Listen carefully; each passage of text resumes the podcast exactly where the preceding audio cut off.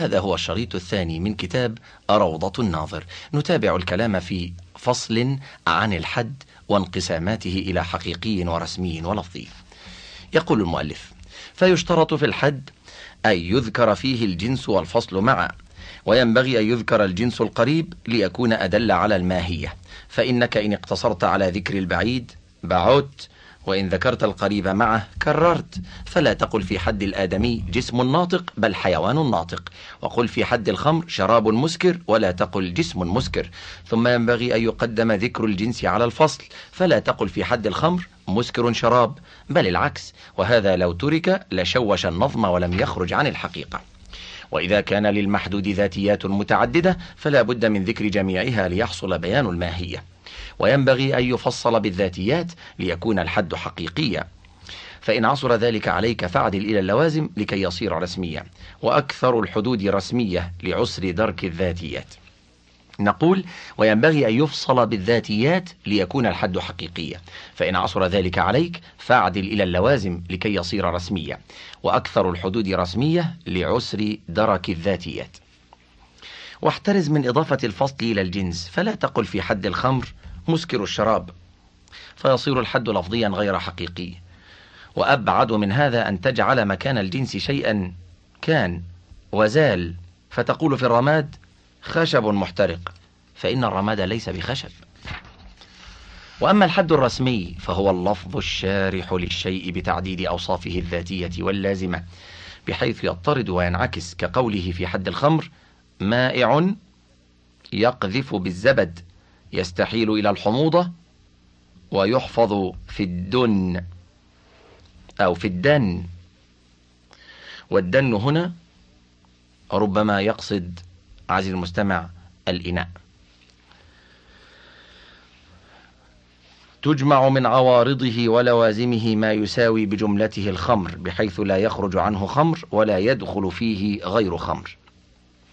واجتهد أن يكون من اللوازم الظاهرة المعروفة ولا يحد الشيء بأخفى منه ولا بمثله في الخفاء ولا تحد شيئا بنفي ضده فتقول في الزوج ما ليس بفرد وفي الفرد ما ليس بزوج.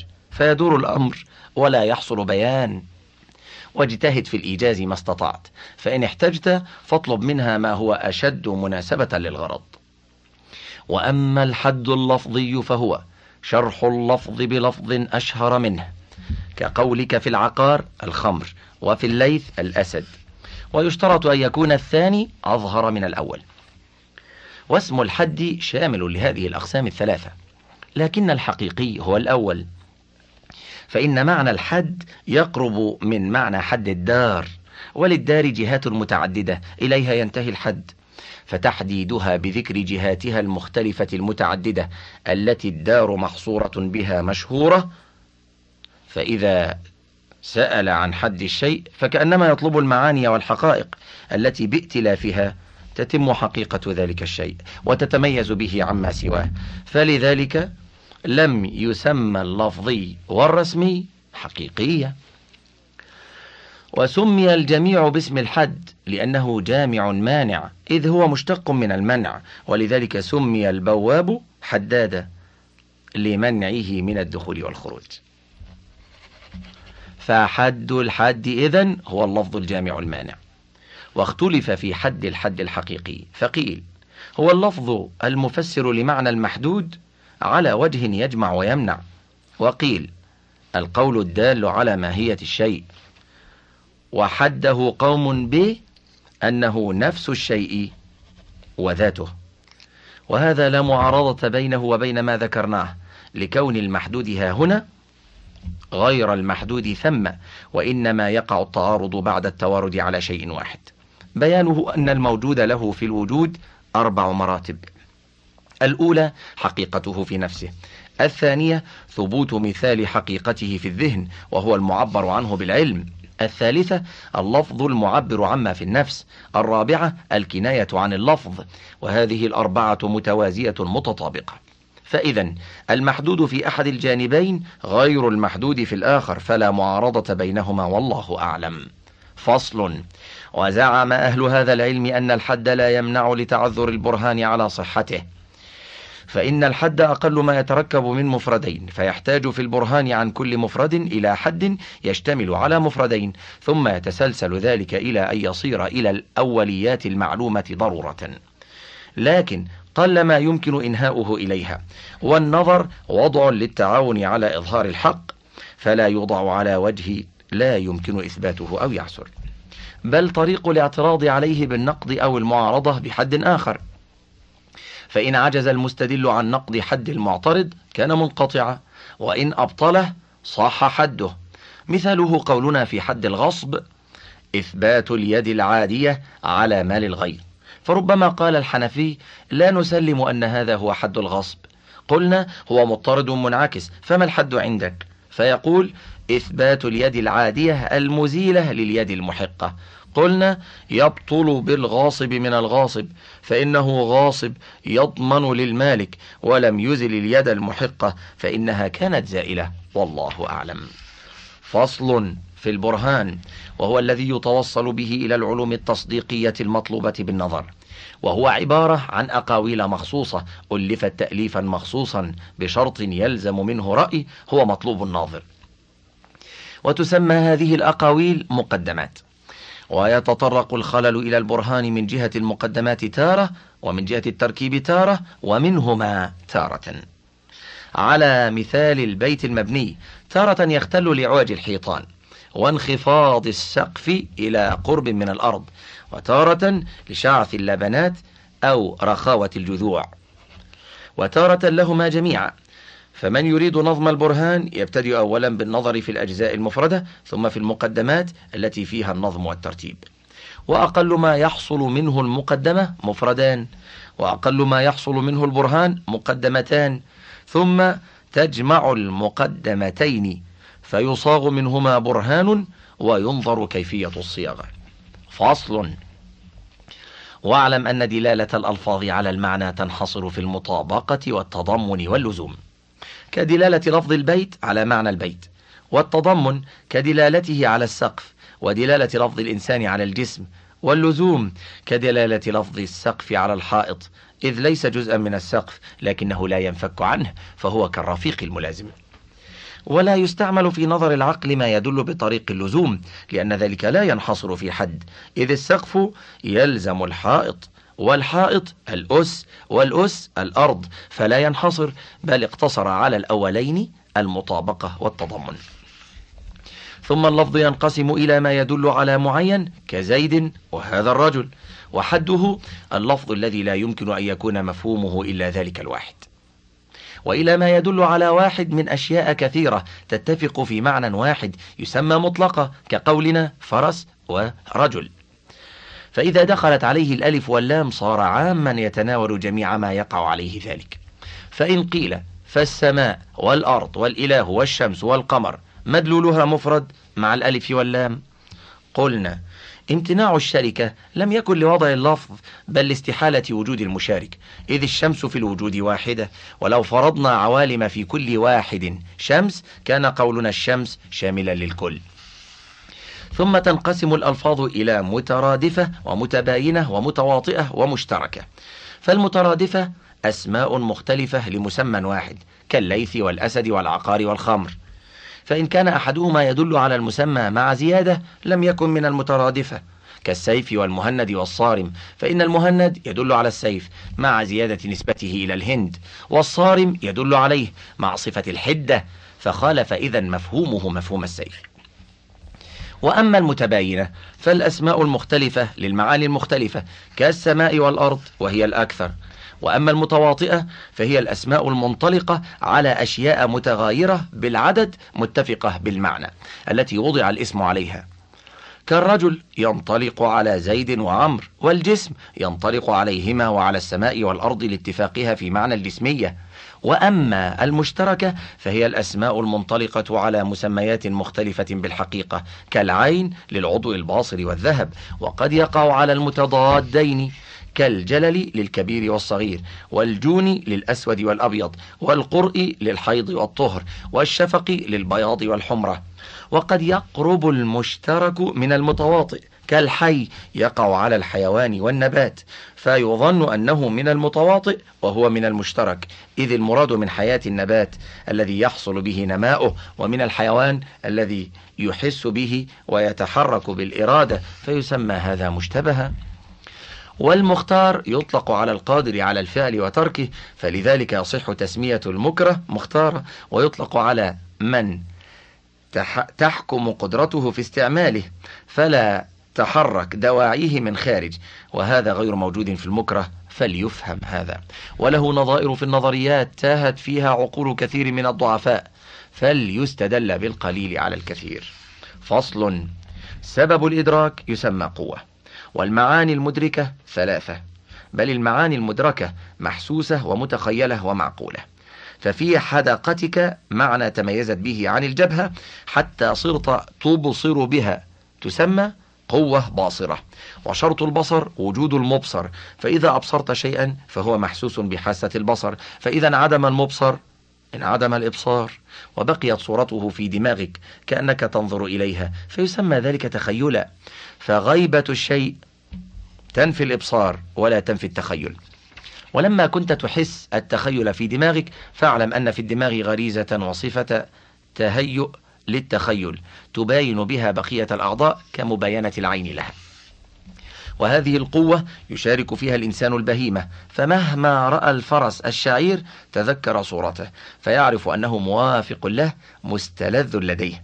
ولو لم تثبت الصورة في خياله لم يبادر إليه ما لم يجربه بالذوق مرة أخرى. ثم فيك قوة ثالثة تباين البهيمة. بها تسمى عقلا. محلها القلب تباين قوة التخيل أشد من مباينة قوة التخيل لقوة الإبصار. ثم فيك قوة رابعة تسمى الفكرة. شأنها أن تقدر على تفصيل الصورة التي في الخيال وتقطيعها وتركيبها وليس لها إدراك شيء آخر. بل إذا خطر في الخيال صورة إنسان قدر أن يجعلها نصفين نصف إنسان ونصف فرس وربما صور إنسانا يطير إذا ثبت في الخيال. صورة الإنسان والطيران مفردين والفكرة تجمع بينهما كما تفرق بين نصفي الإنسان وليس لها أن تخترع صورة لا مثل لها. فصل والتأليف بين مفردين لا يخلو إما أن ينسب أحدهما إلى الآخر بنفي أو إثبات. كقولنا العالم حادث والعالم ليس بقديم. ويسمي النحويون الأول مبتدا والثاني خبرا. ويسميه الفقهاء حكما ومحكوما عليه. ويسمى الجميع قضية. والقضايا أربع. قضية في عين نحو. زيد عالم. وقضية مطلقة نحو. بعض الناس عالم. وقضية عامة كقولنا كل جسم متحيز وقضية مهملة كقوله تعالى إن الإنسان لفي خسر. وربما وضع بعض المغالطين المهملة موضع العامة كقول الشافعي المطعوم ربوي دليله البر والشعير. فيقال إن أردتم كل مطعوم فما دليله؟ والبر والشعير ليس كل المطعومات. وإن أردتم البعض لم تلزم النتيجة إذ يحتمل أن السفرجل من البعض الذي ليس بربوي. فصل. قد ذكرنا أن البرهان مقدمتان يتولد منهما نتيجة ولا يسمى برهانا إلا إذا كانت المقدمتان قطعية فإن كانت مظنونة سميت قياسا فقهيا وإن كانت مسلمة سميت قياسا جدليا وتسميتها قياسا مجاز إذ حاصله إدراج خصوص تحت عموم والقياس تقدير شيء بشيء آخر. والبرهان على خمسة أضرب.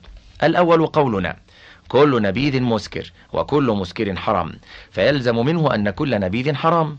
ضرورة متى سلمت المقدمتان؟ إذ كل عقل صدق بالمقدمتين فهو مضطر إلى التصديق بالنتيجة مهما أحضرهما إلى الذهن.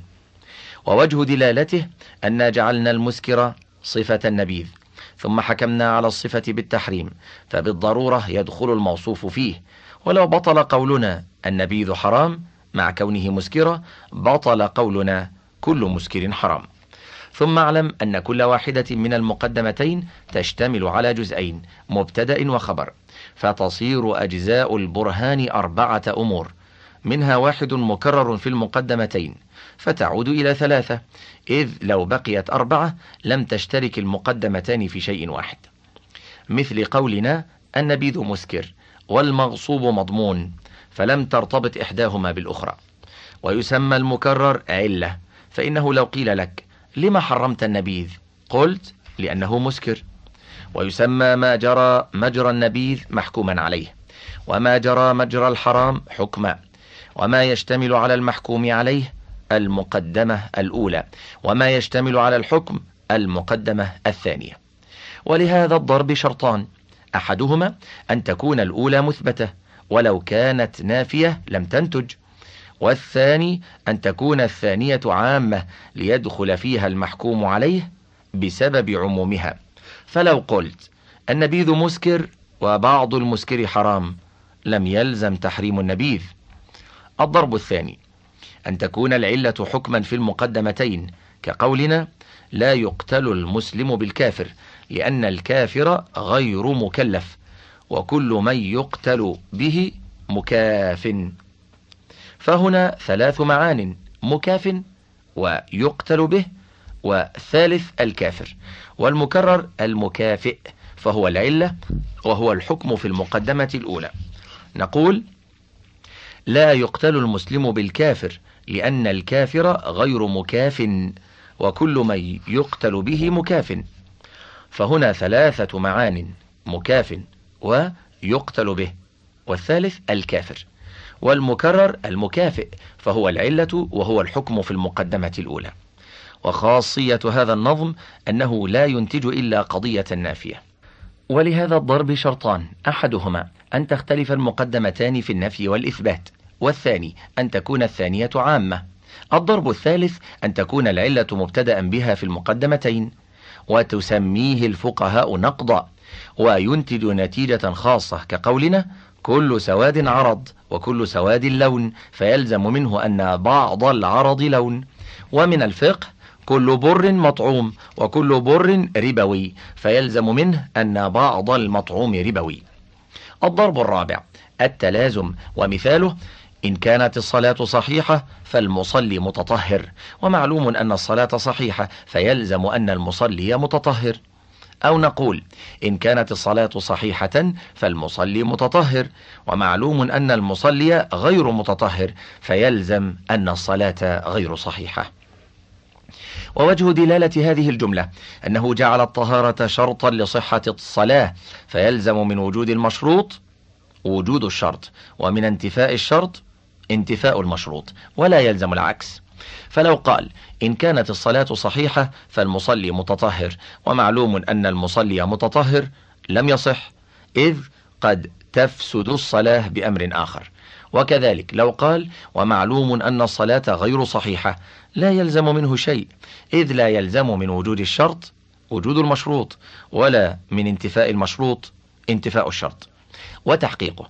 أنه مهما جعل شيئا لازما لشيء فيجب أن يكون اللازم أعم من الملزوم أو مساويا له.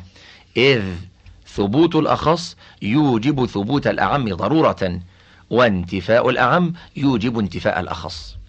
ولا يلزم من ثبوت الأعم ثبوت الأخص ولا من انتفاء الأخص انتفاء الأعم. ومثاله إذا قلنا كل حيوان جسم فيلزم من ثبوت الحيوان ثبوت الجسم.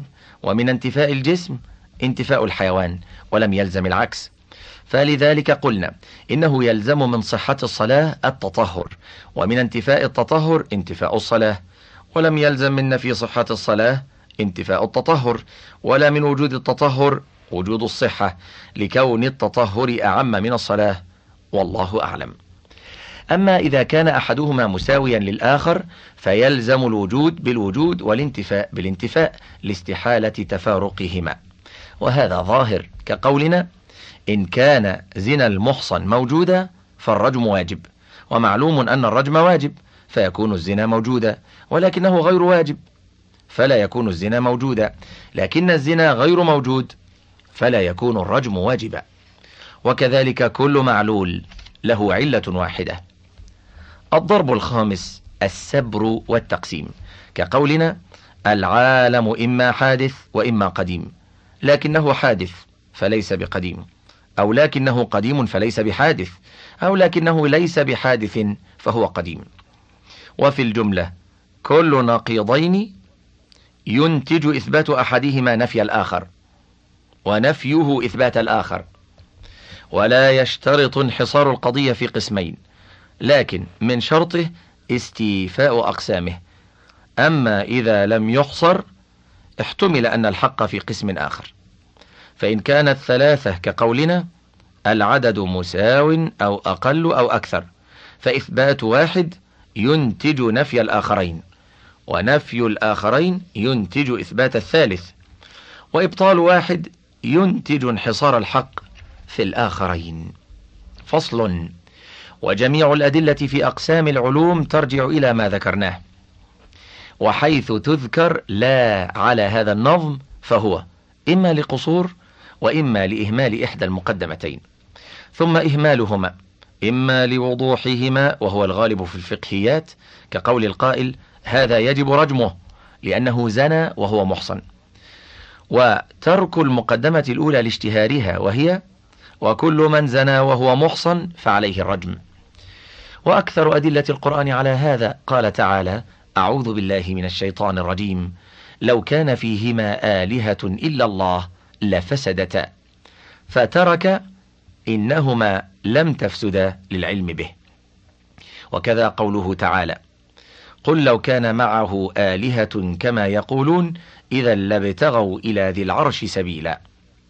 ثم قد يكون الإهمال للمقدمة الأولى وقد يكون للثانية. وقد تترك إحدى المقدمتين للتلبيس على الخصم وذلك يكون بترك المقدمة التي يعسر إثباتها أو ينازعه الخصم فيها استغفالا للخصم واستهجالا له خشية أن يصرح بها فيتنبه ذهن خصمه لمنازعته فيها. وعادة الفقهاء إهمال إحدى المقدمتين فيقولون في تحريم النبيذ النبيذ مسكر فكان حراما كالخمر. ولا تنقطع المطالبة عنه ما لم يرد إلى النظم الذي ذكرناه. والله أعلم. فصل. اليقين. اليقين ما أذعنت النفس إلى التصديق به وقطعت به وقطعت بأن قطعها به صحيح بحيث لو حكي لها عن صادق خلافة لم تتوقف في تكذيب الناقل. كقولنا الواحد أقل من الاثنين وشخص واحد لا يكون في مكانين ولا يتصور اجتماع ضدين. ولنا حالة ثانية وهي أن تصدق بالشيء تصديقا جزميا لا تتمارى فيه ولا تشعر بنقيضه البتة. ولو أشعرت بنقيضه لا عسر إذ عانها للإصغاء. لكن لو ثبتت وأصغت وحكي لها نقيضه عن صادق أورث ذلك توقفا عندها. وهذا اعتقاد أكثر الخلق وكافة الخلق يسمون هذا يقينا إلا أحادا من الناس. فأما ما للنفس سكون إليه وتصديق به وهي تشعر بنقيضه أو لا تشعر لكن إن شعرت به لم ينفر طبعها من قبوله فهو يسمى ظنا. وله درجات في الميل إلى النقصان والزيادة لا تحصى. فمن سمع من عدل شيئا سكنت نفسه إليه فإن انضاف إليه ثان زاد السكون حتى يصير يقينا. وبعض الناس يسمي هذا الظن يقينا أيضا. ومدارك اليقين خمسة الأول الأوليات وهي العقليات المحضة التي قضى العقل بمجرده بها من غير استعانة بحس وتخيل كعلم الإنسان بوجود نفسه وأن القديم ليس بحادث. واستحالة اجتماع الضدين. فهذه القضايا تصادف مرتسمة في النفس حتى يظن أنه لم يزل عالما بها. ولا يدري متى تجدد ولا يقف حصولها على أمر سوى مجرد العقل. الثاني المشاهدات الباطنة. كعلم الإنسان بجوع نفسه وعطشه وسائر أحواله الباطنة التي يدركها من ليس له الحواس الخمس. فليست حسية ولا هي عقلية إذ تدركها البهيمة والصبي. والأوليات لا تكون للبهائم. الثالث المحسوسات الظاهرة وهي المدركة بالحواس الخمس وهي البصر والسمع والذوق والشم واللمس. فالمدرك بواحد منها يقيني كقولنا الثلج أبيض والقمر مستدير وهذا واضح.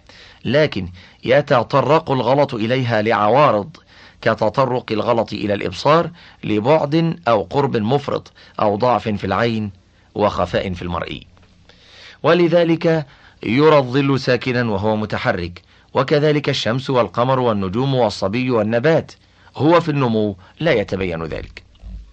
وأسباب الغلط في الإبصار, في الأبصار المستقيمة منها الانعكاس كما في المرآة والانعطاف كما يرى ما وراء البلور والزجاج وغير ذلك. الرابع التجريبات ويعبر عنها باضطراد العادات ككون النار محرقة والخبز مشبعا والماء مرويا والخمر مسكرة والحجر هاوية وهي يقينية عند من جربها. وليست هذه محسوسة فإن الحس شاهد حجرا يهوي بعينه. أما أن كل حجر هاو فقضية عامة لم يشاهدها وليس للحس إلا قضية في عين. الخامس المتواترات. كالعلم بوجود مكة وبغداد وليس هو بمحسوس إنما للحس أن يسمع. أما صدق المخبر فذلك إلى العقل. فهذه الخمسة مدارك اليقين. فأما ما يتوهم أنه منها وليس منها فالوهميات والمشهورات. وهي آراء محمودة توجب التصديق بها إما شهادة الكل أو الأكثر أو جماهير من الأفاضل كقولك الكذب قبيح وكفران المنعم وإيلام البريء قبيح والإنعام وشكر المنعم وإنقاذ الهلكة حسن. فصل في لزوم النتيجة من المقدمتين. اعلم أنك إذا جمعت مفردين ونسبت أحدهما إلى الآخر كقولك النبيذ حرام فلم يصدق بهما العقل فلا بد من واسطة بينهما تنسب إلى المحكوم عليه فتكون حكما له وتنسب إلى الحكم فيصير حكما لها فيصدق العقل به فيلزم ضرورة التصديق بنسبة الحكم إلى المحكوم عليه. بيانه إذا قال النبيذ حرام فمنع وطلب واسطة ربما صدق العقل بوجودها في النبيذ وصدق بوجود وصف الحرام لتلك الواسطة. فيقول النبيذ مسكر. فيقول نعم إذا كان قد علم ذلك بالتجربة. إذا سأله النبيذ مسكر يقول نعم. فيقول وكل مسكر حرام؟ فيقول نعم. إذا كان قد حصل ذلك بالسماع فيلزم التصديق بأن النبيذ حرام. فإن قيل هذه القضية ليست خارجة عن القضيتين. قلنا هذا غلط. فإن قولك النبيذ حرام غير قولك النبيذ مسكر وغير قولك المسكر حرام. بل هذه ثلاث مقدمات مختلفات لا تكرير فيها. لكن قولك المسكر حرام شمل النبيذ بعمومه فدخل النبيذ فيه بالقوة لا بالفعل. إذ قد يخطر العام في الذهن ولا يخطر الخاص. إذ من قال الجسم متحيز قد لا يخطر بباله في الحال ذكر الثعلب. فضلا عن أن يخطر بباله أنه متحيز. فالنتيجة موجودة في إحدى المقدمتين بالقوة القريبة. فلا تخرج إلى الفعل بمجرد العلم بالمقدمتين ما لم تحضر المقدمتان في الذهن. ووجه وجود النتيجة في المقدمتين بالقوة. ولا يبعد أن ينظر الناظر إلى بغلة منتفخة البطن فيظن أنها حامل. فيقال هل تعلم أن البغلة عاقر؟ فيقول نعم. فيقال وهل تعلم أن هذه بغلة؟ فيقول نعم. فيقال فكيف توهمت حملها؟ فتعجب من توهمه مع علمه بالمقدمتين. فإن قيل فالمطلوب بالنظر معلوم أم مجهول؟ إن كان معلوما فكيف تطلبه وأنت واحد وإن كان مجهولا فبما تعلم مطلوبك. قلنا هذا تقسيم غير حاصر بل ثم قسم آخر وهو أني أعرفه من وجه دون وجه. فإني أفهم المفردات وأعلم جملة النتيجة المطلوبة بالقوة ولا أعلمها بالفعل. فهو كطلب الآبق في البيت فإني أعرفه بصورته وأجهله بمكانه. وكونه في البيت أفهمه مفردا فهو معلوم لي بالقوة وأطلب حصوله من جهة حاسة البصر فإذا رأيته في البيت صدقت بكونه فيه.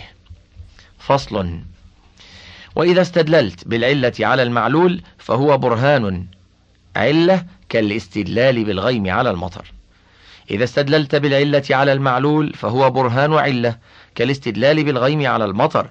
وإن استدللت بالمعلول على العلة أو بأحد المعلولين على الآخر فهو برهان دلالة كالاستدلال بالمطر على الغيم. والاستدلال بأحد المعلولين على الآخر كقولنا كل من صح طلاقه صح ظهاره والذمي يصح طلاقه فيصح ظهاره. فإن إحدى النتيجتين تدل على الأخرى بواسطة العلة فإنها تلازم علتها والأخرى تلازم علتها وملازم الملازم ملازم. فصل. فأما الاستدلال بالاستقراء فهو عبارة عن تصفح أمور جزئية ليحكم بحكمها على مثلها. كقولنا في الوت في الوتر ليس بفرض لأنه يؤدى على الراحلة والفرض لا يؤدى عليها. فيقال لما قلتم إن الفرض لا يؤدى عليها؟ قلنا بالاستقراء إذ رأينا القضاء والنذر والأداء لا تؤدى عليها. فهذا مختل يصلح للظنيات دون القطعيات. فإن حكمه بأن كل فرض لا يؤدى على الراحلة يمنعه الخصم إذ الوتر عنده واجب يؤدى عليها. فنقول هل استقرأت حكم الوتر في تصفحك وكيف وجدته؟ فإن قال وجدته لا يؤدى على الراحلة فباطل إجماعا. ثم هو مبطل المقدمة الأخرى على نفسه. إذ هي أن الوتر يؤدى على الراحلة وإن قال لم أتصفح فلم يبين إلا بعض الأجزاء فخرجت المقدمة عن أن تكون عامة فإذا لا يصح ذلك إلا في الفقهيات والله أعلم هذا تمام المقدمة. فلنشرع الآن في ذكر الأصول فنقول تقسيم أحكام التكليف إلى خمسة أقسام وحقائقها. أقسام أحكام التكليف خمسة واجب ومندوب ومباح ومكروه ومحظور. وجه هذه القسمة أن خطاب الشرع إما أن يرد باقتضاء الفعل أو الترك أو التخيير بينهما. فالذي يرد باقتضاء الفعل أمر فإن اقترن به إشعار بعدم العقاب على الترك فهو ندب وإلا فيكون إيجابا. والذي يرد باقتضاء الترك نهي فإن أشعر بعدم العقاب على الفعل فكراهة وإلا فحظر فصل. وحد الواجب ما توعد بالعقاب على تركه. وقيل ما يعاقب تاركه وقيل ما يذم تاركه شرعا. والفرض هو الواجب على إحدى الروايتين لاستواء حدهما وهو قول الشافعي. والثانية الفرض آكد فقيل هو اسم لما يقطع بوجوبه كمذهب أبي حنيفة. وقيل ما لا يتسامح في تركه عمدا ولا سهوا. نحو أركان الصلاة. فإن الفرض في اللغة التأثير ومنه فرضة النهر والقوس. والوجوب السقوط ومنه وجبت الشمس والحائط إذا سقطا. ومنه قوله تعالى فإذا وجبت جنوبها فاقتضى تأكد الفرض على الواجب شرعا ليوافق مقتضاه لغة. ولا خلاف في انقسام الواجب إلى مقطوع ومظنون ولا حجر في الاصطلاحات بعد فهم المعنى. فصل والواجب ينقسم إلى معين وإلى مبهم في أقسام محصورة فيسمى واجبا مخيرا كخصلة من خصال الكفارة وأنكرت المعتزلة ذلك وقالوا لا معنى للوجوب مع التخيير. ولنا أنه جائز عقلا وشرعا أما العقل فلأن السيد لو قال لعبده أوجبت عليك خياطة هذا القميص أو بناء هذا الحائط في هذا اليوم. أيهما فعلته اكتفيت به. وإن تركت الجميع عاقبتك. ولا أوجبهما عليك معا. بل أحدهما لا بعينه أيهما شئت. كان كلاما معقولا. ولا يمكن دعوى إيجاب الكل لأنه صرح بنقيضه. ولا دعوى أنه ما أوجب شيئا لأنه عرضه للعقاب بترك الكل. ولا أنه أوجب واحدا معينا لأنه صرح بالتخيير. فلم يبق إلا أنه أوجب واحدا لا بعينه. ولأنه لا يمتنع في العقل أنه يتعلق الغرض بواحد غير معين لكون كل واحد منهما وافيا بالغرض حسب وفاء صاحبه. فيطلب منه قدر ما يفي بغرضه والتعيين فضله لا يتعلق بها الغرض فلا يطلبه منه. وأما الشرع فخصال الكفارة بل إعتاق الرقبة بالإضافة إلى إعتاق العبيد وتزويج المرأة الطالبة للنكاح. من أحد الكفئين الخاطبين وعقد الإمامة لأحد الرجلين الصالحين لها. ولا سبيل إلى إيجاب الجميع وأجمعت الأمة على أن جميع خصال الكفارة غير واجب. فإن قيل إن كانت الخصال متساوية عند الله تعالى بالنسبة إلى صلاح العبد فينبغي أن يوجب الجميع تسوية بين المتساويات. فإن تميز بعضها بوصف ينبغي أن يكون هو الواجب عينا. قلنا ولما قلتم إن للأفعال صفات في ذاتها لأجلها يوجبها الله سبحانه بل الإيجاب إليه له أن يخصص من المتساويات واحدا بالإيجاب وله أن يوجب واحدا غير معين ويجعل مناط التكليف اختيار المكلف ليسهل عليه الامتثال. جواب ثان إن التساوي يمنع التعيين لكونه عبثا وحصول المصلحة بواحد يمنع من إيجاب الزائد لكونه إضرارا مجردا حصلت المصلحة بدونه فيكون الواجب واحدا غير معين. فإن قيل فالله سبحانه يعلم ما يتعلق به الإيجاب ويعلم ما يتأدى به الواجب فيكون معينا في علم الله سبحانه. قلنا الله سبحانه إذا أوجب واحدا لا بعينه علمه على ما هو عليه من نعته ونعته أنه غير معين فيعلمه كذلك ويعلم أنه يتعين بفعل المكلف ما لم يكن متعينا قبل فعله. والله أعلم. فصل. والواجب ينقسم بالإضافة إلى الوقت إلى مضيق وموسع وأنكر أكثر أصحاب أبي حنيفة التوسيع. وقالوا هو يناقض الوجوب. ولنا أن السيد لو قال لعبده ابني هذا الحائط في هذا اليوم.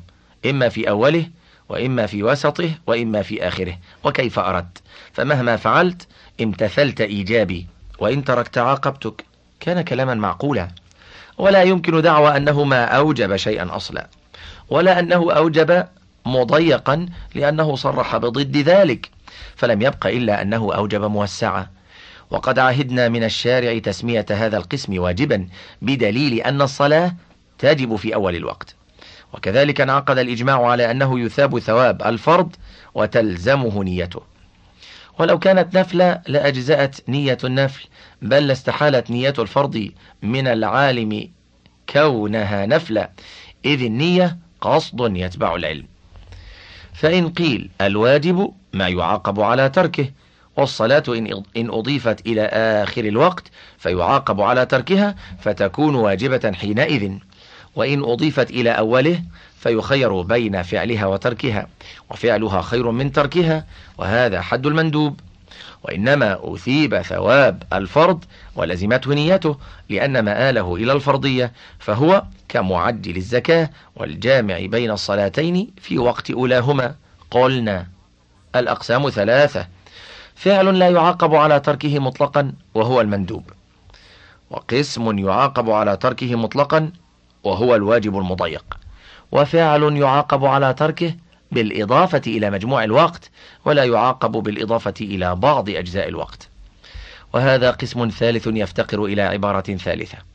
وحقيقته لا تعد الوجوب والندب وأولى عباراته الواجب الموسع.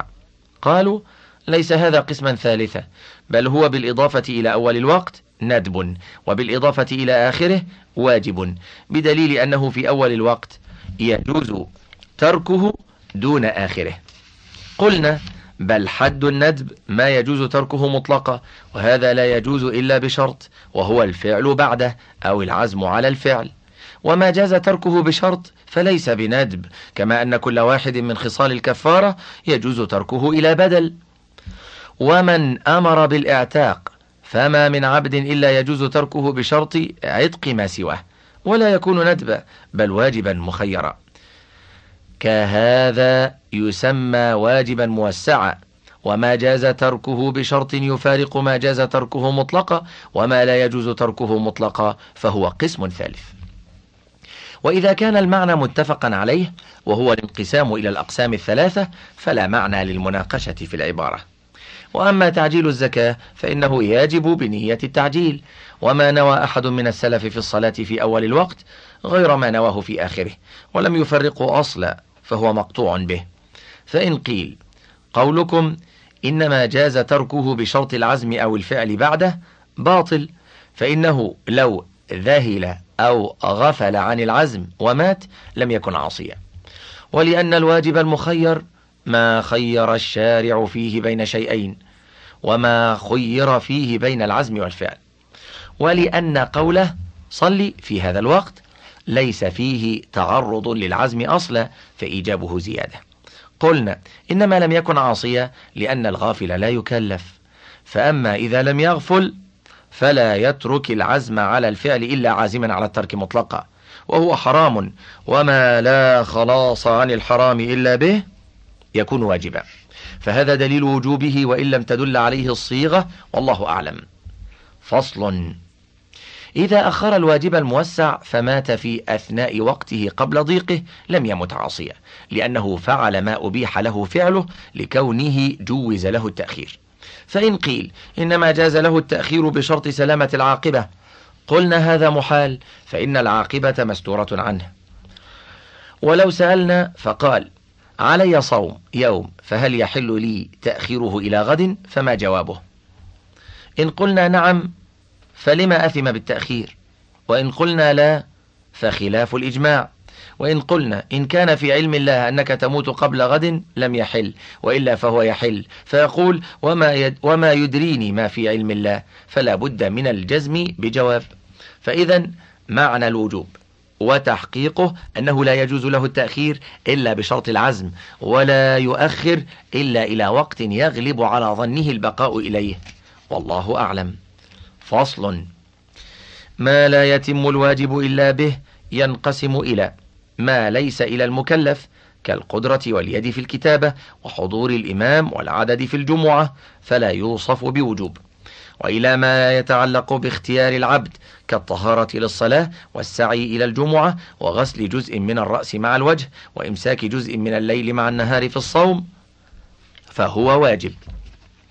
وهذا أولى من قولنا يجب التوصل إلى الواجب بما ليس بواجب. إذ قولنا يجب ما ليس بواجب متناقض لكن الأصل وجب بالإيجاب قصدا والوسيلة وجبت بواسطة وجوب المقصود. فهو واجب كيفما كان وإن اختلفت علة إيجابهما. فإن قيل لو كان واجبا لأثيب على فعله وعوقب على تركه وتارك الوضوء والصوم لا يعاقب على ما ترك من غسل جزء من الرأس مع الوجه وإمساك جزء من الليل مع النهار. قلنا ومن أنبأكم أن ثواب القريب إلى البيت في الحج؟ مثل ثواب البعيد. وأن الثواب لا يزيد بزيادة العمل في الوسيلة. وأما العقوبة فإنه يعاقب على ترك الوضوء والصوم ولا يتوزع على أجزاء الفعل فلا معنى لإضافته إلى التفصيل. فصل. وإذا اختلطت أخته بأجنبية أو ميتة بمذكاة حرمتا الميتة بعلة الموت والأخرى بعلة الاشتباه. وقال قوم المذكات حلال لكن يجب الكف عنهما. وهذا متناقض. إذ ليس الحل والحرمة وصفا ذاتيا لهما بل هو متعلق بالفعل. فإذا حرم فعل الأكل فيهما فأي معنى لقولنا هي حلال؟ وإنما وقع هذا في الأوهام حيث ضاه الوصف بالحل والحرمة الوصف بالسواد والبياض والأوصاف الحسية. وذلك وهم على ما ذكرناه والله أعلم. فصل الواجب الذي لا يتقيد بحد محدود كالطمأنينة في الركوع والسجود ومدة القيام والقعود إذا زاد على أقل الواجب فالزيادة ندب واختاره أبو الخطاب. وقال القاضي الجميع واجب لأن نسبة الكل إلى الأمر واحد والأمر في نفسه أمر واحد وهو أمر إيجاب ولا يتميز البعض عن البعض فالكل امتثال. ولنا أن الزيادة يجوز تركها مطلقا من غير شرط ولا بدل وهذا هو الندب ولأن الأمر إنما اقتضى إيجاب ما تناوله الاسم فيكون هو الواجب والزيادة ندب. وإن كان لا يتميز بعضه عن البعض فيعقل كون بعضه واجبا وبعضه ندبا كما لو أدى دينارا عن عشرين. القسم الثاني المندوب. والندب في اللغة الدعاء إلى الفعل كما قال الشاعر لا يسألون أخاهم حين يندبهم في النائبات على ما قال برهانا. وحده في الشرع مأمور لا يلحق بتركه ذم من حيث تركه من غير حاجة إلى بدل. وقيل هو ما في فعله ثواب ولا عقاب في تركه. والمندوب مأمور وأنكر قوم كونه مأمورا. قالوا لأن الله سبحانه قال فليحذر الذين يخالفون عن أمره أن تصيبهم فتنة أو يصيبهم عذاب أليم. والمندوب لا يحذر فيه ذلك ولأن النبي صلى الله عليه وسلم قال لولا أن أشق على أمتي لأمرتهم بالسواك عند كل صلاة. وقد ندبهم إلى السواك علم أن الأمر لا يتناول المندوب. ولأن الأمر اقتضاء جازم لا تخير معه وفي الندب تخير. نقول لأن النبي صلى الله عليه وسلم قال لولا أن أشق على أمتي لأمرتهم بالسواك عند كل صلاة وقد ندبهم إلى السواك. علم أن الأمر لا يتناول المندوب. ولأن الأمر اقتضاء جازم لا تخير معه وفي الندب تخيير ولم يسمى تاركه عاصية. يقول ولنا أن الأمر استدعاء وطلب والمندوب مستدعى ومطلوب فيدخل في حقيقة الأمر. قال الله تعالى إن الله يأمر بالعدل والإحسان وإيتاء ذي القربى وينهى بل توقف عند لفظة القربى. وقال تعالى وأمر بالمعروف ومن ذلك ما هو مندوب. ولأنه شاع في ألسنة الفقهاء أن الأمر ينقسم إلى أمر إيجاب وأمر استحباب. ولأن فعله طاعة وليس ذلك لكونه مرادا إذ الأمر يفارق الإرادة ولا لكونه موجودا فإنه موجود في غير الطاعات ولا لكونه مثابا فإن الممتثل يكون مطيعا وإن لم يثب وإنما الثواب للترغيب في الطاعات. وقولهم إن الأمر ليس فيه تخيير ممنوع وإن سلمنا فالندب كذلك لأن التخيير عبارة عن التسوية. فإذا ترجح جهة الفعل ارتفعت التسوية والتخيير. ولم يسمى تاركه عاصية لأنه اسم ذم وقد أسقط الله تعالى الذم عنه. لكن يسمى مخالفة وغير ممتثل ويسمى فاعله موافقا ومطيعا. وقول النبي صلى الله عليه وسلم لا أمرتهم بالسواك أي أمرتهم أمر جزم وإيجاب. وقوله تعالى فليحذر الذين يخالفون عن أمره. يدل على أن الأمر يقتضي الوجوب ونحن نقول به لكن يجوز صرفه إلى الندب بدليل. ولا يخرج بذلك عن كونه أمرا لما ذكرناه في دليلنا. والله أعلم. القسم الثالث المباح. وحده ما أذن الله سبحانه في فعله وترك وتركه وحده ما أذن الله سبحانه في فعله وتركه غير مقترن بذم فاعله وتاركه ولا مدحه. نعيد. حده ما أذن الله سبحانه في فعله وتركه غير مقترن بذم فاعله وتاركه ولا مدحه. وهو من الشرع. وأنكر بعض المعتزلة ذلك إذ معنى الإباحة نفي الحرج عن الفعل والترك. وذلك ثابت قبل ورود السمع فمعنى إباحة الشيء تركه على ما كان قبل السمع. قلنا الأفعال ثلاثة أقسام. قسم صرح فيه الشرع بالتخيير بين فعله وتركه فهذا خطاب ولا معنى للحكم إلا الخطاب. وقسم لم يرد فيه خطاب بالتخيير لكن دل دليل السمع على نفي الحرج عن فعله وتركه فقد عرف بدليل السمع. ولولا هو لعرف بدليل العقل نفي الحرج عنه. فهذا اجتمع عليه دليل العقل والسمع. وقسم لم يتعرض الشرع له بدليل من أدلة السمع. فيحتمل أن يقال قد دل السمع على أن ما لم يرد فيه طلب فعل ولا ترك فالمكلف فيه مخير. وهذا دليل على العموم فيما لا يتناهى من الأفعال.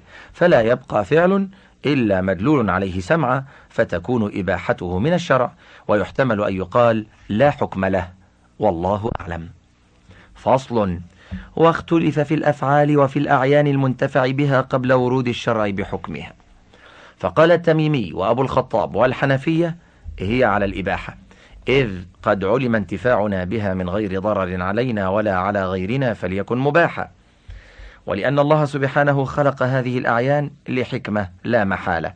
ولا يجوز أن يكون ذلك لنفع يرجع إليه يثبت أنه لنفعنا.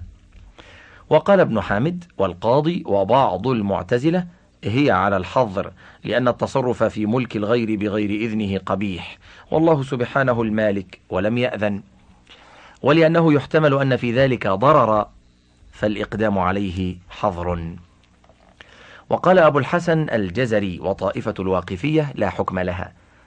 إذ معنى الحكم الخطاب ولا خطاب قبل ورود السمع. والعقل لا يبيح شيئا ولا يحرمه وإنما هو معرف للترجيح والاستواء. وقبح التصرف في ملك الغير. ذلك إنما يعلم بتحريم الشارع ونهيه. ولو حكمت فيه العادة فإنما يقبح في حق من يتضرر بالتصرف في ملكه بل يقبح المنع مما لا ضرر فيه كالظل وضوء النار. وهذا القول هو اللائق بالمذهب إذ العقل لا دخل له في الحظر والإباحة على ما سنذكره إن شاء الله تعالى وإنما تثبت الأحكام بالسمع. وقد دل السمع على الإباحة على العموم بقوله تعالى خلق لكم ما في الأرض جميعا وبقوله قل إنما حرم ربي الفواحش الآية. وقوله تعالى تعالوا أتل ما حرم ربكم عليكم الآية. وبقوله قل لا أجد فيما أوحي إلي محرما الآية. ونحو ذلك. وقول النبي صلى الله عليه وسلم وما سكت الله عنه فهو مما عفى عنه. وقوله إن أعظم المسلمين في المسلمين جرما من سأل عن شيء لم يحرم على الناس فحرم من أجل مسألته. وفائدة الخلاف أن من حرم شيئا أو أباحه كفاه فيه استصحاب حال الأصل. فصل المباح غير مأمور به لأن الأمر استدعاء وطلب والمباح مأذون فيه ومطلق غير مستدعى ولا مطلوب. وتسميته مأمورا تجوز فإن قيل ترك الحرام مأمور به والسكوت المباح يترك به الكفر والكذب الحرام فيكون مأمورا به؟ قلنا فليكن المباح واجبا إذن. وقد يترك الحرام إلى المندوب فليكن واجبا. وقد يترك الحرام بحرام آخر فليكن الشيء حراما واجبا. ولتكن الصلاة حراما إذا تحرم بها من عليه الزكاة وهذا باطل. فإن قيل فهل الإباحة تكليف؟ قلنا من قال التكليف الأمر والنهي؟ فليست الإباحة كذلك. ومن قال التكليف ما كلف اعتقاد كونه من الشرع فهذا كذلك. وهذا ضعيف إذ يلزم عليه جميع الأحكام. والله أعلم. القسم الرابع المكروه. وهو ما تركه خير من فعله. وقد يطلق ذلك على المحظور. وقد يطلق على ما نهي عنه نهي تنزيه. فلا يتعلق بفعله عقاب. فصل. والأمر المطلق لا يتناول المكروه لأن الأمر استدعاء وطلب والمكروه غير مستدعى ولا مطلوب ولأن الأمر ضد النهي فيستحيل أن يكون الشيء مأمورا ومنهيا. وإذا قلنا إن المباح ليس بمأمور فالمنهي عنه أولى. القسم الخامس الحرام. الحرام ضد الواجب فيستحيل أن يكون الشيء الواحد واجبا حراما. طاعة معصية من وجه واحد إلا أن الواحد ينقسم إلى واحد بالنوع وإلى واحد بالعين. والواحد بالنوع يجوز أن ينقسم إلى واجب وحرام ويكون انقسامه بالإضافة لأن اختلاف الإضافات والصفات توجب المغايرة. والمغايرة تكون تارة بالنوع وتارة باختلاف الوصف كالسجود لله تعالى واجب والسجود للصنم حرام والسجود لله تعالى غير السجود للصنم قال الله تعالى. لا تسجدوا للشمس ولا للقمر واسجدوا لله الذي خلقهن. والإجماع منعقد على أن الساجد للصنم عاص بنفس السجود والقصد جميعا وأن الساجد لله مطيع بهما جميعا. وأما الواحد بالعين كالصلاة في الدار المغصوبة من عمرو فحركته في الدار واحد بعينه. واختلفت الرواية في صحتها فروي أنها لا تصح.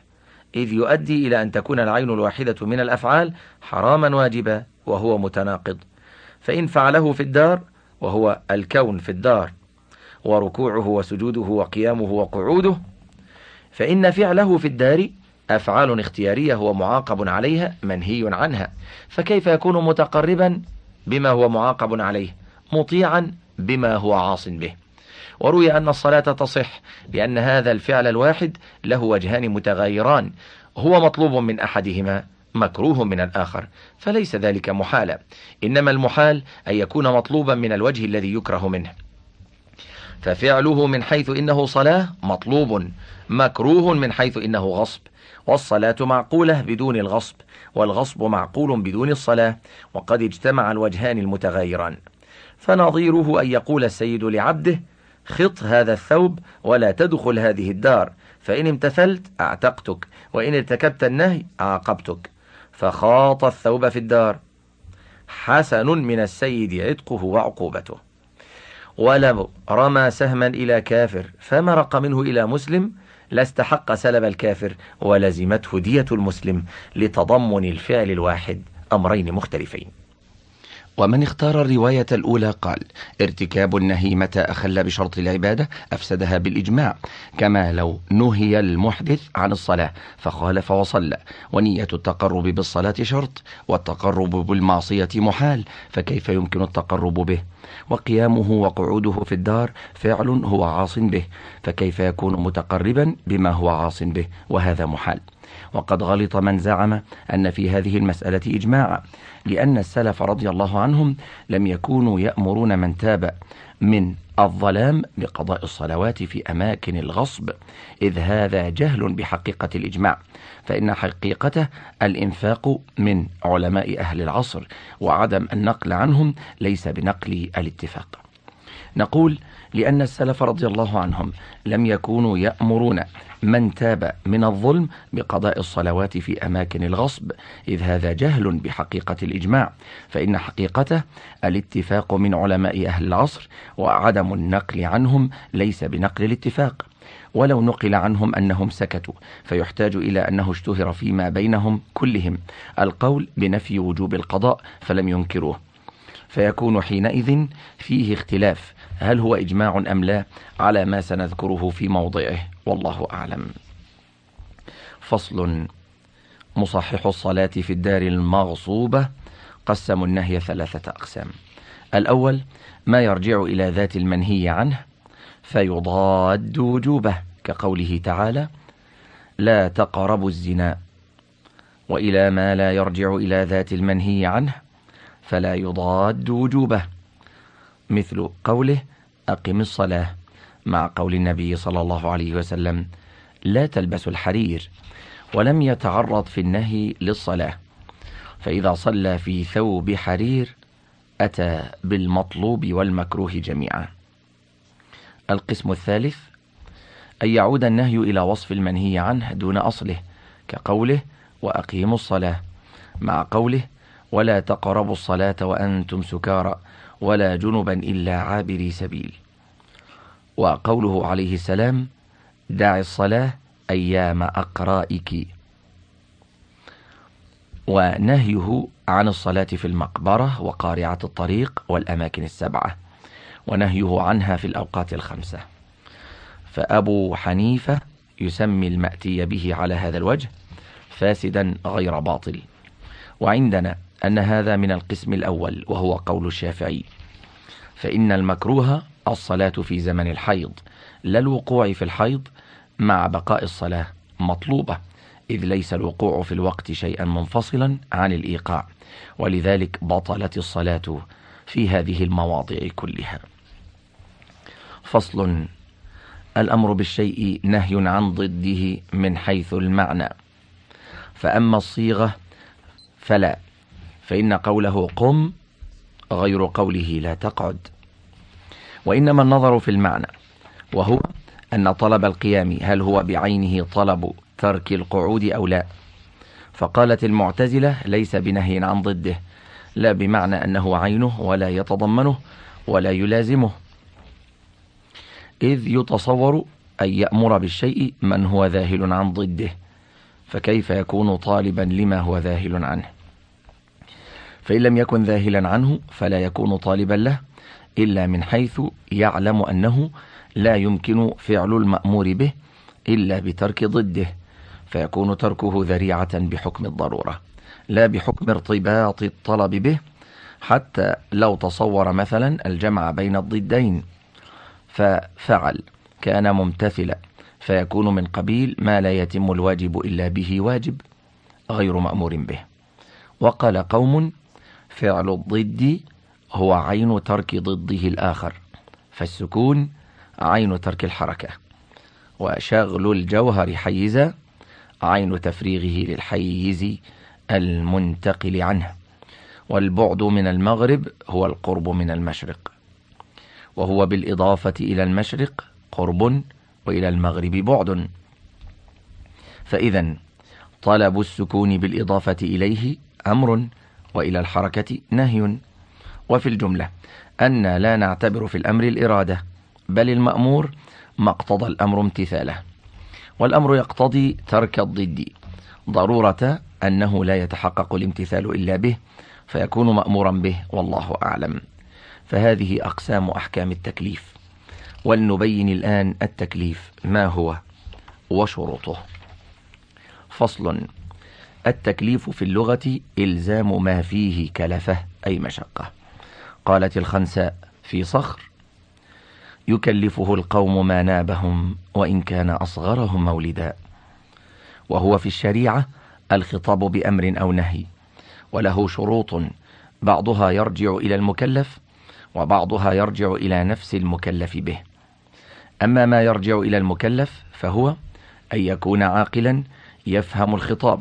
فأما الصبي والمجنون فغير مكلفين لأن مقتضى التكليف الطاعة والامتثال ولا تمكن أو ولا تمكن إلا بقصد الامتثال وشرط القصد العلم بالمقصود والفهم للتكليف إذ من لا يفهم كيف يقال له فهم ومن لا يسمع لا يقال له تكلم وإن سمع ولم يفهم كالبهيمة فهو كمن لا يسمع. ومن يفهم فهما ما كغير المميز فخطابه ممكن لكن اقتضاء الامتثال منه مع أنه لا يصح منه قصد صحيح غير ممكن. ووجوب الزكاة والغرامات في مال الصبي والمجنون ليس تكليفا لهما إذ يستحيل التكليف بفعل الغير. وإنما معناه أن الإتلاف وملك النصاب سبب لثبوت هذه الحقوق في ذمتهما. بمعنى أنه سبب لخطاب الولي بالأداء في الحال وسبب لخطاب الصبي بعد البلوغ وهذا ممكن. إنما المحال أن يقال لمن لا يفهم افهم وإنما أهلية ثبوت الأحكام في الذمة بالإنسانية التي بها يستعد لقبول قوة العقل الذي به يفهم التكليف في ثاني الحال. والبهيمة ليس لها أهلية فهم الخطاب لا بالقوة ولا بالفعل. فلم يتهيأ ثبوت الحكم في ذمتها. والشرط لا بد أن يكون حاصلا أو ممكن الحصول على القرب. فتقول هو موجود بالقوة كما أن شرط الملكية الإنسانية وشرط الإنسانية الحياة. والنطفة يثبت لها الملك مع عدم الحياة التي هي شرط الإنسانية لوجودها بالقوة. فكذا الصبي مصيره إلى العقل فصلح لثبوت الحكم في ذمته. ولم يصلح للتكليف في الحال. فأما الصبي المميز فتكليفه ممكن لأنه يفهم ذلك إلا أن الشرع حط التكليف عنه تخفيفا ليظهر خفي التدريج إذ لا يمكن الوقوف بغتة على الحد الذي يفهم به خطاب الشارع. ويعلم الرسول والمرسل فنصب له علامة ظاهرة وقد روي أنه مكلف. فصل. والناس والنائم غير مكلف لأنه لا يفهم فكيف يقال له افهم وكذا السكران الذي لا يعقل. وثبوت أحكام أفعالهم من الغرامات ونفوذ طلاق السكران من قبيل ربط الأحكام بالأسباب وذلك مما لا ينكر. فأما قوله تعالى لا تقربوا الصلاة وأنتم سكارى فقد قيل هذا كان في ابتداء الإسلام قبل تحريم الخمر والمراد منه المنع من إفراط الشرب في وقت الصلاة كي لا يأتي عليه وقت الصلاة وهو سكران. كما يقال لا تقرب التهجد وأنت شبعان معناه لا تشبع فيثقل عليك التهجد وقال الله تعالى ولا تموتن إلا وأنتم مسلمون. أي الزموا الإسلام ولا تفارقوه. حتى إذا جاءكم الموت أتاكم وأنتم مسلمون. وقيل هو خطاب لمن وجد منه مبادئ النشاط والطرب ولم يزل عقله لأنه إذا ظهر بالبرهان استحالة توجه الخطاب وجب تأويل الآية. فصل فأما المكره فيدخل تحت التكليف لأنه يفهم ويسمع ويقدر على تحقيق ما أمر به وتركه. وقالت المعتزلة ذلك محال لأنه لا يصح منه فعل فعل غير ما أكره عليه فلا يبقى له خيره وهذا غير صحيح فإنه قادر على الفعل وتركه ولهذا يجب عليه ترك القتل إذا أكره على قتل مسلم. ويأثم بفعله. ويجوز أن يكلف ما هو على وفق الإكراه كإكراه الكافر على الإسلام وتارك الصلاة على فعلها. فإذا فعلها قيل أدى ما كلف لكن إنما تكون منه طاعة إذا كان الانبعاث بباعث الأمر دون باعث الإكراه. فإن كان إقدامه للخلاص من سيف المكره لم تكن طاعة. ولا يكون مجيبا داعي الشرع. وإن كان يفعلها ممتثلا لأمر الشارع بحيث كان يفعلها لولا الإكراه فلا يمتنع وقوعها طاعة وإن وجدت صورة التخويف. فصل. واختلفت الرواية. هل الكفار مخاطبون بفروع الإسلام؟ فروي أنهم لا يخاطبون منها بغير النواهي إذ لا معنى لوجوبها مع استحالة فعلها في الكفر. وانتفاء قضائها في الإسلام. فكيف يجب ما لا يمكن امتثاله؟ وهذا قول أكثر أصحاب الرأي. وروي أنهم مخاطبون بها وهو قول الشافعي لأنه جائز عقلا وقد قام دليله شرعا. أما الجواز العقلي فإنه لا يمتنع أن يقول الشارع بني الإسلام على خمس وأنتم مأمورون بجميعها وبتقديم الشهادتين من جملتها. فتكون الشهادتان مأمورا بهما لنفسهما ولكونهما شرطا لغيرهما. كالمحدث يؤمر بالصلاة. فإن منع فإن منع الحكم في المحدث وقال إنما يؤمر بالوضوء فإذا توضأ أمر بالصلاة. إذ لا يتصور الأمر بالصلاة مع الحدث لعجزه عن الامتثال. قلنا فإذا لو ترك الصلاة طول عمره لا يعاقب على تركها وهو خلاف الإجماع. وينبغي ألا يصح أمره بالصلاة بعد الوضوء بل بالتكبيرة الأولى, الأولى لاشتراط تقديمها. وأما الدليل الشرعي فعموم قوله تعالى ولله على الناس حج البيت وإخبار الله سبحانه عن المشركين ما سلككم في سقر قالوا لم نك من المصلين ذكر هذا في معرض التصديق لهم تحذيرا من فعلهم ولو كان كذبا لم يحصل التحذير منه. كيف وقد عطف عليه وكنا نكذب بيوم الدين.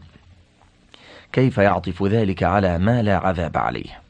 وقال الله تعالى والذين لا يدعون مع الله إلها آخر. الآية نص في مضاعفة العذاب في حق بين من جمع بين هذه المحظورات.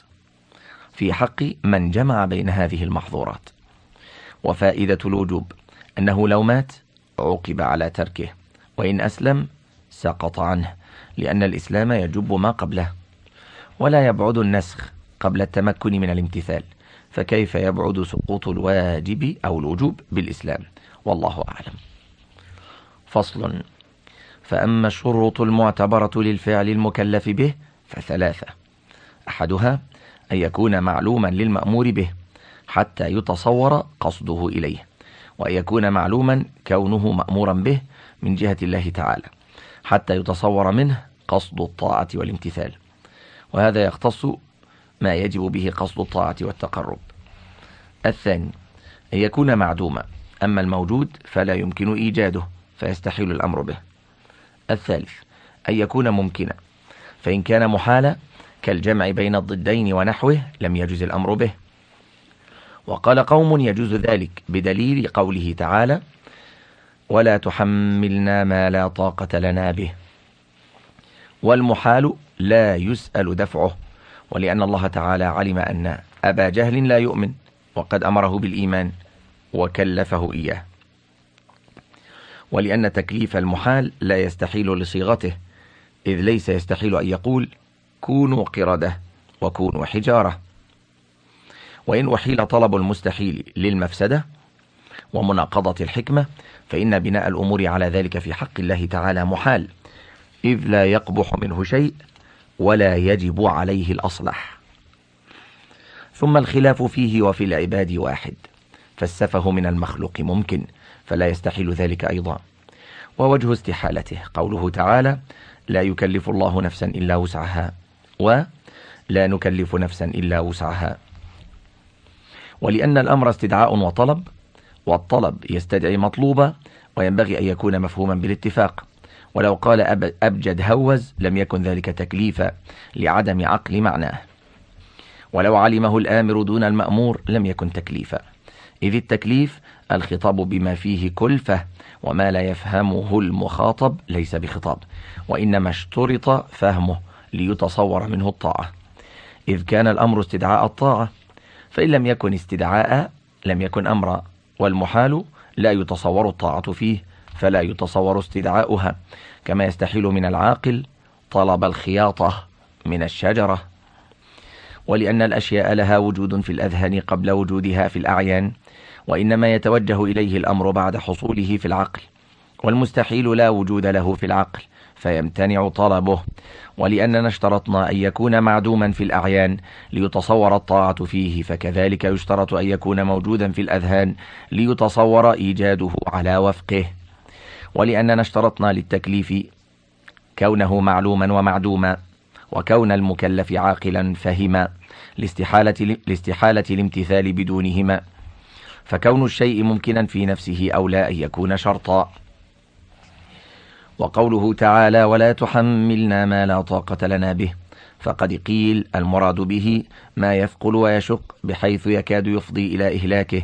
كقوله اقتلوا أنفسكم أو اخرجوا من دياركم. وكذلك قال النبي صلى الله عليه وسلم في المماليك لا تكلفوهم ما لا يطيقون. وقوله كونوا قردة تكوين إظهارا للقدرة. وقوله كونوا حجارة تعجيز وليس شيء من ذلك أمرا. وتكليف أبي جهل الإيمان غير محال فإن الأدلة منصوبة والعقل حاضر وآلته تامة. ولكن علم الله تعالى منه أنه يترك ما يقدر عليه حسدا وعنادا والعلم يتبع المعلوم ولا يغيره. ولذلك نقول الله قادر على أن يقيم القيامة في وقتنا وإن أخبر أنه لا يقيمها الآن. وخلاف خبره محال لكن استحالته لا ترجع إلى نفس الشيء فلا تؤثر فيه. فصل. والمقتضي بالتكليف فعل وكف فالفعل كالصلاة. والمقتضى بالتكليف فعل وكف فالفعل كالصلاة. والكف كالصوم وترك الزنا والسرقة والشرب. وقيل لا يقتضي الكف إلا أن يتناول التلبيس بضد من أضداده. فيثاب على ذلك لا على الترك لأن لا تفعل ليس بشيء ولا يتعلق به قدرة. إذا لا تتعلق القدرة إلا بشيء. والصحيح أن الأمر فيه مستقيم فإن الكف عن الصوم مقصود ولذلك تشترط النية فيه.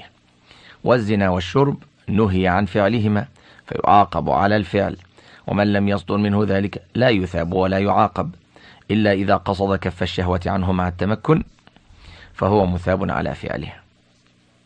ولا يبعد أن يقصد أن لا يتلبس بالفواحش وإن لم يكن يقصد أن يتلبس بضدها.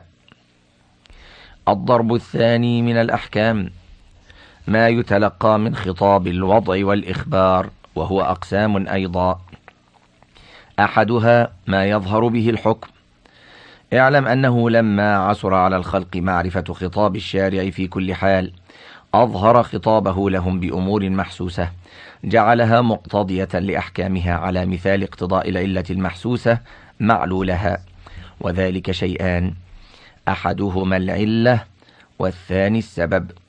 ونصبهما ونصبهما مقتضيين لأحكامهما. حكم من الشارع. بل ونصبهما مقتضيين لأحكامهما حكم من الشارع. فلله تعالى في الزاني حكمان. أحدهما وجوب الحد عليه والثاني جعل الزنا موجبا له. فإن الزنا لم يكن موجبا للحد لعينه بل يجعل الشرع له موجبا. ولذلك يصح تعليله فيقال إنما نصب علة لكذا وكذا. فأما العلة فهي في اللغة عبارة. عما اقتضى تعييرا ومنه سميت علة المريض. لأنها اقتضت عزيزي المستمع اللفظة ليست واضحة وربما قصد تغييرا نعيد. فأما العلة فهي في اللغة عبارة عما اقتضى تغييرا ومنه سميت علة المريض لأنها اقتضت تغيير الحال في حقه. ومنه العلة العقلية وهي عبارة عما يوجب الحكم. لذاته كالكسر مع الانكسار والتسويد مع السواد. فاستعار الفقهاء لفظ العلة من هذا واستعملوه في ثلاثة أشياء. أحدها بإزاء ما يوجب الحكم لا محالة. فعلى هذا لا فرق بين المقتضي والشرط والمحل والأهل بل العلة المجموع والأهل والمحل و بل العلة المجموع والأهل والمحل وصفان من أوصافها أخذا من العلة العقلية.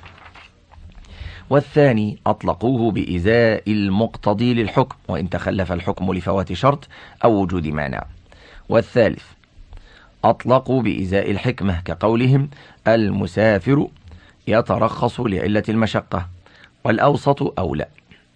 الثاني السبب وهو في اللغة عبارة عما يحصل الحكم عنده لا به ومنه سمي الحبل والطريق سببا فاستعار الفقهاء لفظة السبب من هذا الموضع واستعملوه في أربعة أشياء.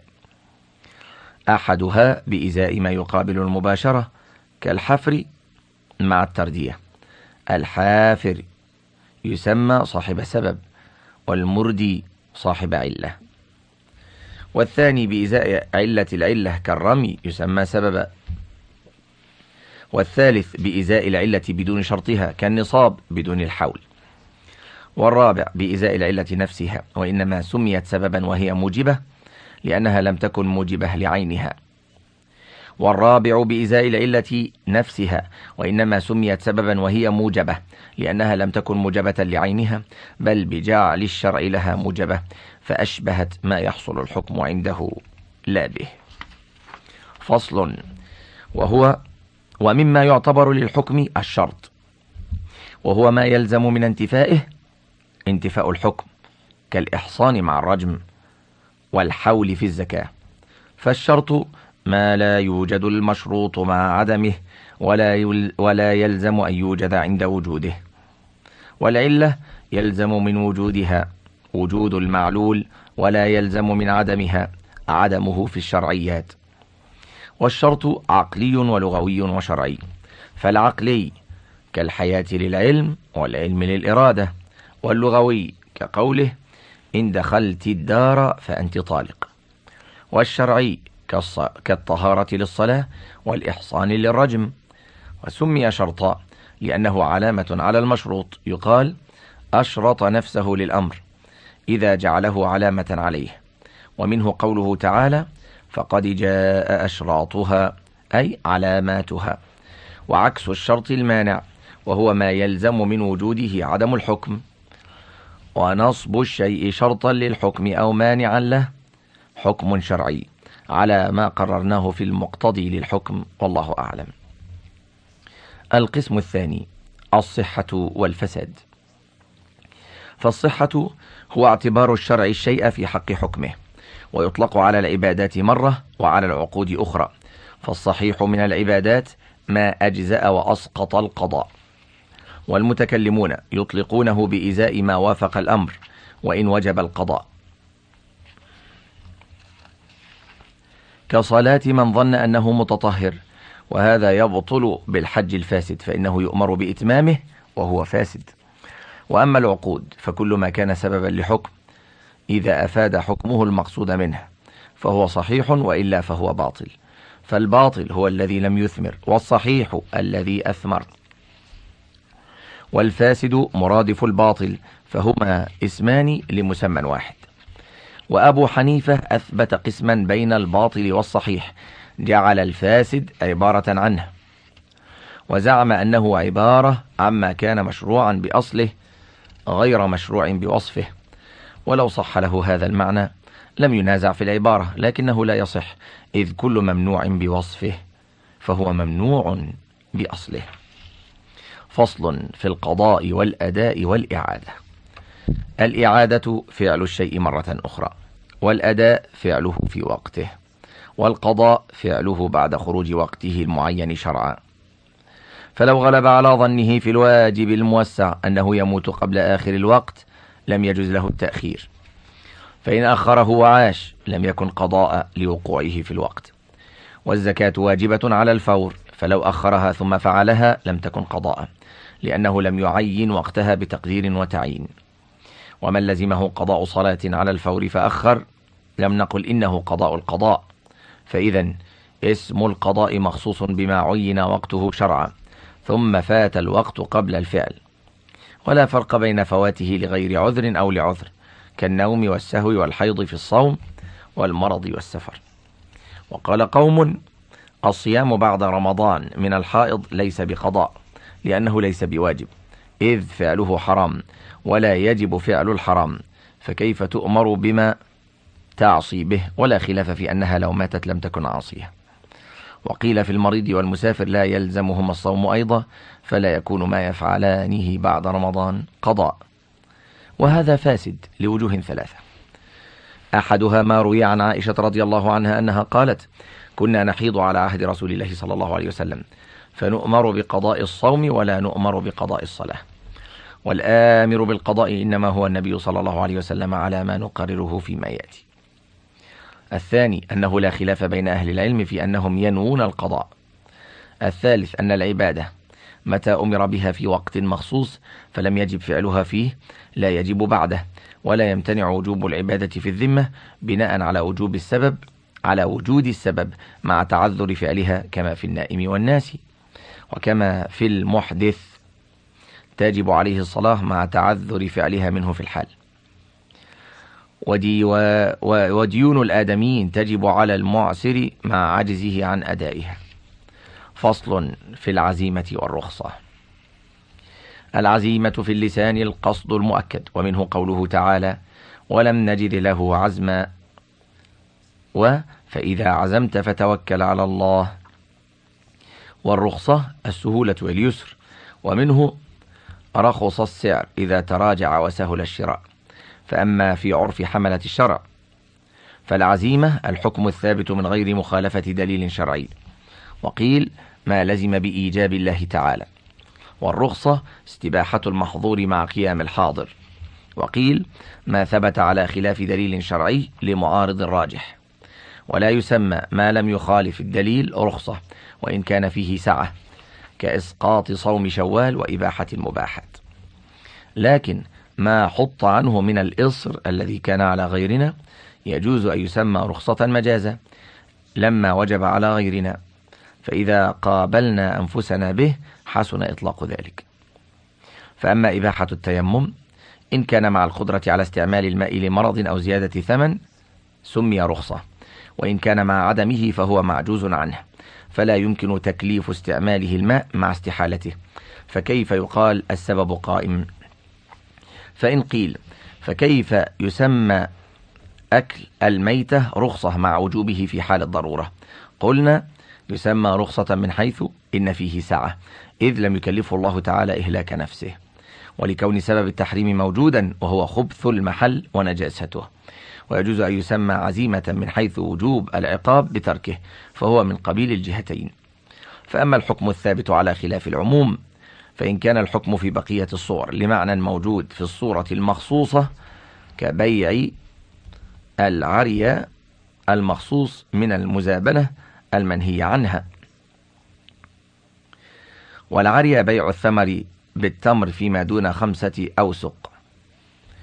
نقول كبيع العرية المخصوص من المزابنة المنهي عنها فهو حينئذ رخصة وإن كان لمعنى غير موجود في الصورة المخصوصة كإباحة الرجوع في الهبة للوالد المخصوص من قوله عليه السلام العائد في هبته كالعائد في قيئه فليس برخصة لأن المعنى الذي حرم لأجله الرجوع في الهبة غير موجود في الوالد والله أعلم.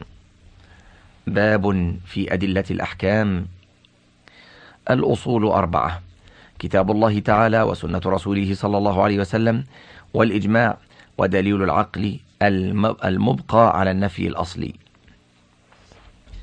بل ودليل العقل المبقي على النفي الأصلي. واختلف في قول الصحابي وشرع من قبلنا وسنذكر ذلك إن شاء الله تعالى. وأصل الأحكام كلها من الله سبحانه إذ قول الرسول صلى الله عليه وسلم إخبار عن الله بكذا. والإجماع يدل على السنة وإذا نظرنا إلى ظهور الحكم عندنا فلا يظهر إلا بقول الرسول صلى الله عليه وسلم.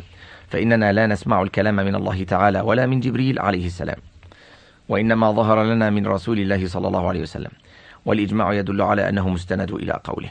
لكن إذا لم نحرر النظر وجمعنا المدارك صارت الأصول التي يجب فيها النظر منقسمة إلى ما ذكرنا. فصل. وكتاب الله سبحانه هو كلامه وهو القرآن الذي نزل به جبريل عليه السلام على النبي صلى الله عليه وسلم. وقال قوم الكتاب غير القرآن وهو باطل. قال الله تعالى وإذ صرفنا إليك نفرا من الجن يستمعون القرآن فلما حضروه قالوا أنصتوا إلى قوله إنا سمعنا كتابا أنزل من بعد موسى. وقالوا إنا سمعنا قرآنا عجبا. فأخبر الله تعالى أنهم استمعوا القرآن وسموه قرآنا وكتاب. وقال تعالى حاميم والكتاب المبين إنا جعلناه قرآنا عربيا. وقال تعالى وإنه في أم الكتاب لدينا. وقال إنه لقرآن كريم في كتاب مكنون. وقال بل هو قرآن مجيد في لوح محفوظ سماه قرآنا وكتابا. وهذا مما لا خلاف فيه بين المسلمين. وحده ما نقل إلينا بين دفتي المصحف نقلا متواترا. وقيدناه بالمصاحف لأن الصحابة رضي الله عنهم بالغوا في نقله وتجريده عما سواه حتى كرهوا التعاشير والنقط كي لا يختلط بغيره. فنعلم أن المكتوب في المصحف هو القرآن وما خرج منه فليس منه إذ يستحيل في العرف والعادة مع توفر الدواعي على حفظ القرآن أن يهمل بعضه فلا ينقل أو يخلط به ما ليس منه. فصل. فأما ما نقل نقلا غير متواتر كقراءة ابن مسعود رضي الله عنه فصيام ثلاثة أيام متتابعات. فقد قال قوم ليس بحجة لأنه خطأ قطعا لأنه واجب على الرسول تبليغ القرآن طائفة من الأمة تقوم الحجة بقولهم وليس له مناجاة الواحد به. وإن لم ينقله من القرآن احتمل أن يكون مذهبا له واحتمل أن يكون خبرا مع التردد لا يعمل به. والصحيح أنه حجة لأنه يخبر أنه سمعه من النبي صلى الله عليه وسلم. فإن لم يكن قرآنا فهو خبر. فإنه ربما سمع الشيء من النبي صلى الله عليه وسلم تفسيرا فظنه قرآنا. وربما أبدل لفظة بمثلها ظنا منه أن ذلك جائز كما روي عن ابن مسعود رضي الله عنه أنه كان يجوز مثل ذلك. وهذا يجوز في الحديث دون القرآن. ففي الجملة لا يخرج عن كونه مسموعا من النبي صلى الله عليه وسلم ومرويا عنه فيكون حجة كيفما كان. وقولهم يجوز أن يكون مذهبا. قلنا لا يجوز ظن مثل هذا بالصحابة رضي الله عنهم فإن هذا افتراء على الله وكذب عظيم إذ هو جعل رأيه ومذهبه الذي ليس هو عن الله تعالى ولا عن رسوله قرآنا. والصحابة رضي الله عنهم لا يجوز نسبة الكذب إليهم في حديث النبي صلى الله عليه وسلم ولا في غيره فكيف يكذبون في جعل مذاهبهم قرآنا هذا باطل يقينا. فصل.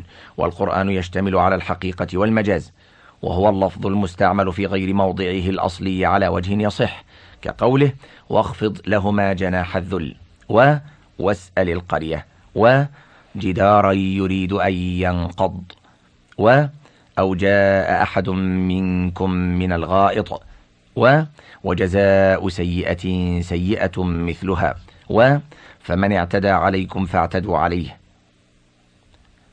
وإن الذين يؤذون الله أي أولياء الله وذلك كله مجاز لأنه استعمال اللفظ في غير موضعه.